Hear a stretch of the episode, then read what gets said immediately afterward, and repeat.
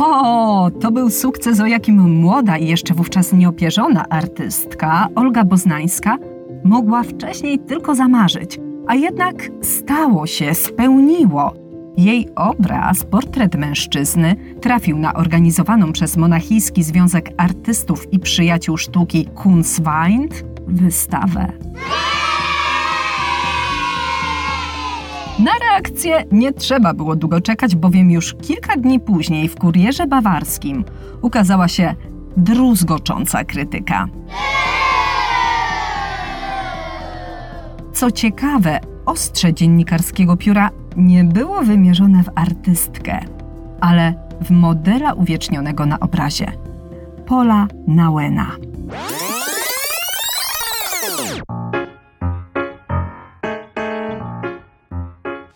Dlaczego Olga Boznańska nosiła czarne suknie? Kim tak właściwie był Paul Nauen i za co dziennikarze musieli go przeprosić? O tym wszystkim opowiem już za moment. Nazywam się Agnieszka Kijas i jestem krytykiem sztuki, a wysłuchacie kolejnego podcastu z serii Dawno temu w sztuce. Czyli wszystko, co chcesz wiedzieć o malarstwie, ale bez nadęcia. W głównej sali wystawowej na przedniej ścianie wisi wcale nieźle namalowany portret męski. Młody człowiek, który nie miał nic z życia, bo żył zbyt intensywnie i życia nie zna. Krótko mówiąc, jest jednym z owych kalek cywilizacji, tych o wychudłych twarzach, rzadkich włosach, zamglonych oczach i cienkich nosach, którzy głoszą fin de siècle, nic przy tym nie głosząc. Siedzi tak przed nami. Skulony, zziębnięty, z podniesionym kołnierzem płaszcza na jakiejś kanapie. A jego blada twarz, którą w języku kiczu i podlotków nazywa się interesującą, tchnie nędzą naszych czasów. I właśnie taki opis, myślę, że wszyscy się musimy zgodzić z tym, że mało pochlebny, wręcz zupełnie niepochlebny, trafił do gazet po tym, jak Olga Boznańska pokazała na wystawie namalowany przez siebie portret Pola Nauena. I jeżeli chodzi o samego Nauena, to pewnie dziś nawet bym się wam o nim nie zająknęła, gdyby właśnie nie ten portret i nie Boznańska. W tym miejscu po prostu muszę dodać, że ten podcast o naszej wybitnej polskiej malarce, o królowej polskiego malarstwa, Oldze Boznańskiej, nagrywam na życzenie dwóch dziewczyn.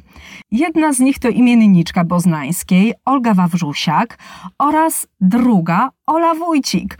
Dodam, że Ola prowadzi też swój podcast Kobiecość w Eterze, więc jak coś śmiało możecie też odpalić sobie jej kanał. Chyba tam nawet ostatnio coś miała o sztuce, ale, ale to sobie sprawdzicie. Zatem, skoro aż dwie dziewczyny poprosiły o boznańską, no to proszę bardzo, jest boznańska. I powiem wam, że to była bardzo, bardzo ekscentryczna kobieta i to ekscentryczna w najlepszym tego słowa znaczeniu inna wielka malarka, Zośka Strynieńska, o której też swoją drogą bardzo chętnie bym Wam opowiedziała, więc jak chcecie, to mi to napiszcie na Messengerze, na Facebooku. W każdym razie Zośka Stryjeńska miała bardzo duże poczucie humoru. To była nie tylko genialna malarka, ale ona także prowadziła swój dziennik i tak się złożyło, że ona poznała Boznańską. W dodatku była świadkiem tego, jak wielka pani Boznańska szykowała się do wyjścia. I dodam tu przy tym, że Boznańska wychodziła dość rzadko, była raczej zamknięta w swojej bardzo osobliwej pracowni. O tym, jak ona wyglądała, to też Wam kiedyś jeszcze na pewno opowiem. Zatem Zośka była świadkiem czegoś wyjątkowego. I to wydarzenie opisała w swoim pamiętniku, a ponieważ, tak jak już wspomniałam, miała świetny dowcip, celne puenty, ekstra pióro, to ten opis w całości Wam przytoczę. Wydobywszy z licznych koszy jakieś odświętne ornaty, zaczęła się wielka artystka przystrajać. W suknie z trenem pełnym falban i plis, na co szedł rodzaj alby atłasowej, spiętej pod szyją agrafką. Na głowie osiadło jakieś gniazdo z dżetów i flaneli, podpięte wysoko z tyłu kwiatami, spod którego spływały czarne strusie pióra. wykańczała ten pikantny strój pompadurka w ręku i parasolka z czasów Dreyfusa.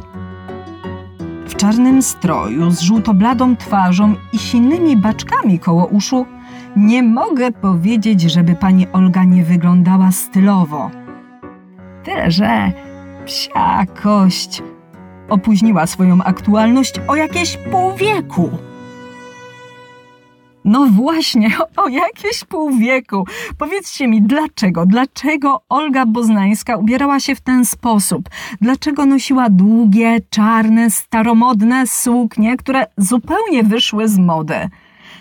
Wielu może mówić, że to była ekscentryczka i w ten sposób chciała się wyrazić. Okej, okay, być może, ale równie dobrze możliwe jest to, że przyczyną tego wszystkiego, przyczyną tego wizerunku poznańskiej był ten, i tu zacytuję złośliwego dziennikarza, ten cywilizacyjny kaleka.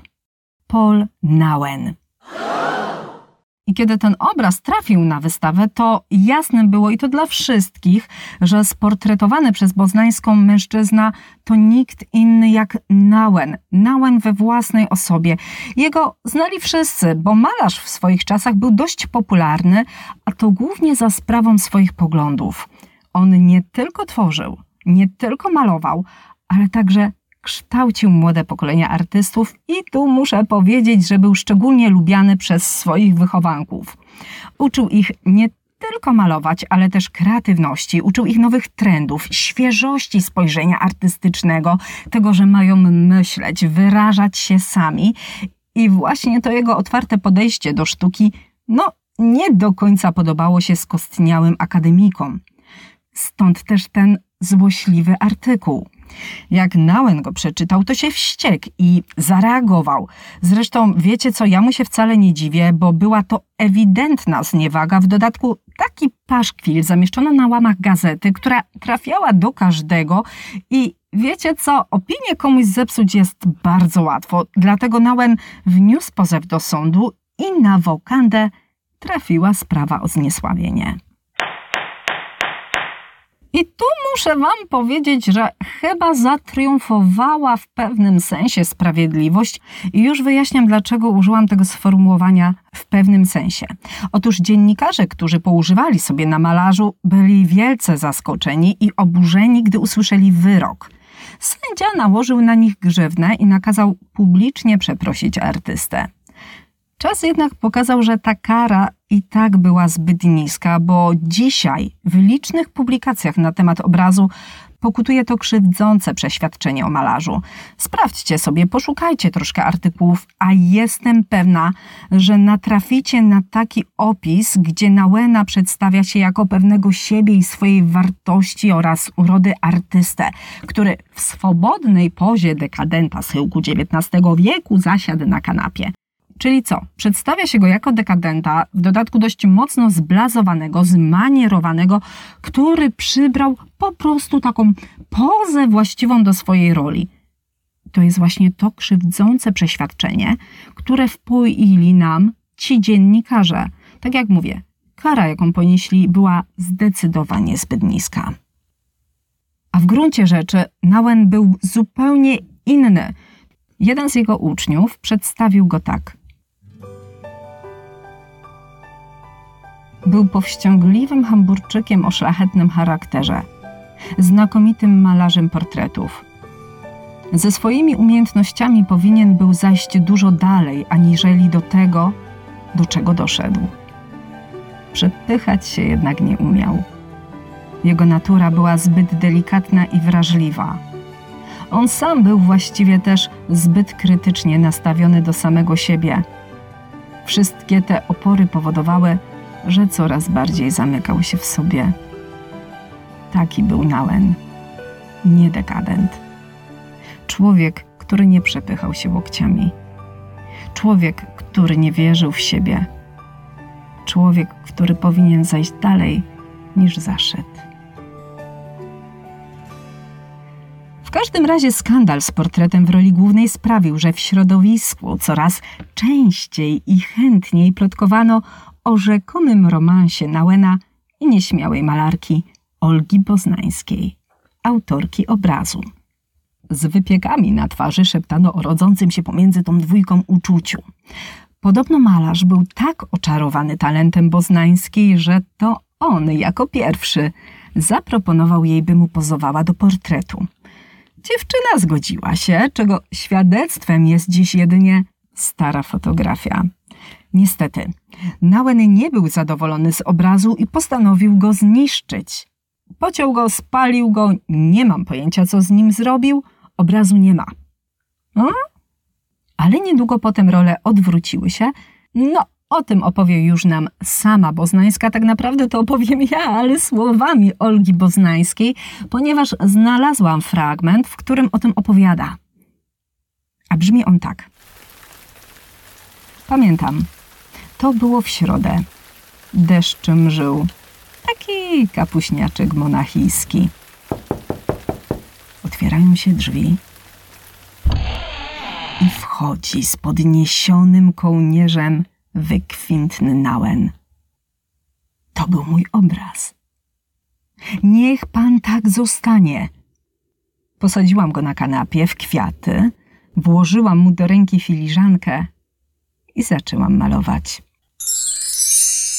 Mm, niestety historia romantycznej miłości Olgi i Pola ma tragiczny finał, przy czym sprawa ta nie jest ani jasna, ani pewna. Wśród wtajemniczonych osób krążyła wersja, jakoby para miała się pobrać. Wszystko było już przygotowane, łącznie z białą suknią, która czekała w szafie przyszłej panny młodej. Warto tu dodać, że w monachijskim okresie Boznańska ubierała się bardzo strojnie, kolorowo, a także zgodnie z najnowszym duchem mody, zgodnie z trendami. Wszystko zmieniło się jednak w jednej chwili. Nałen nagle umarł.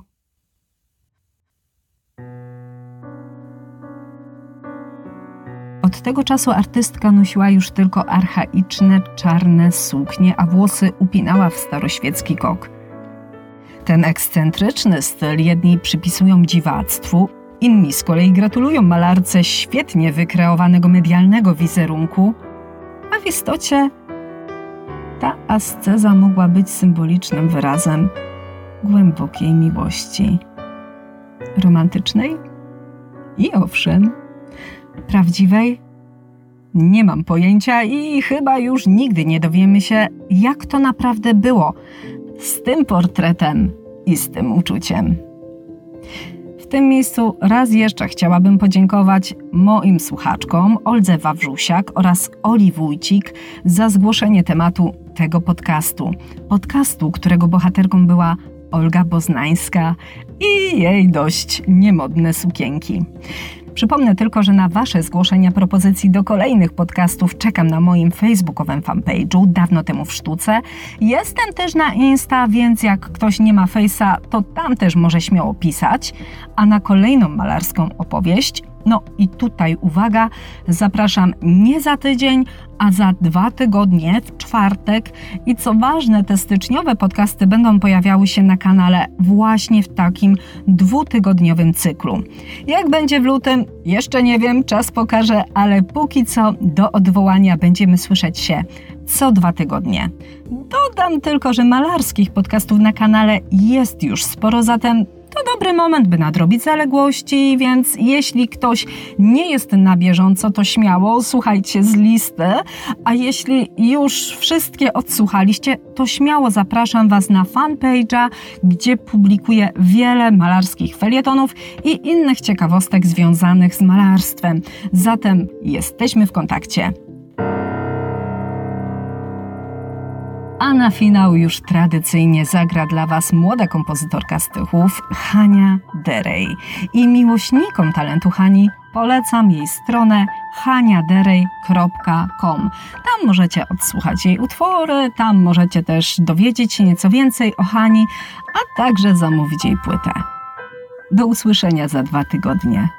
Mówiła dla Was Agnieszka Kijas. Krytyk z sercem do sztuki.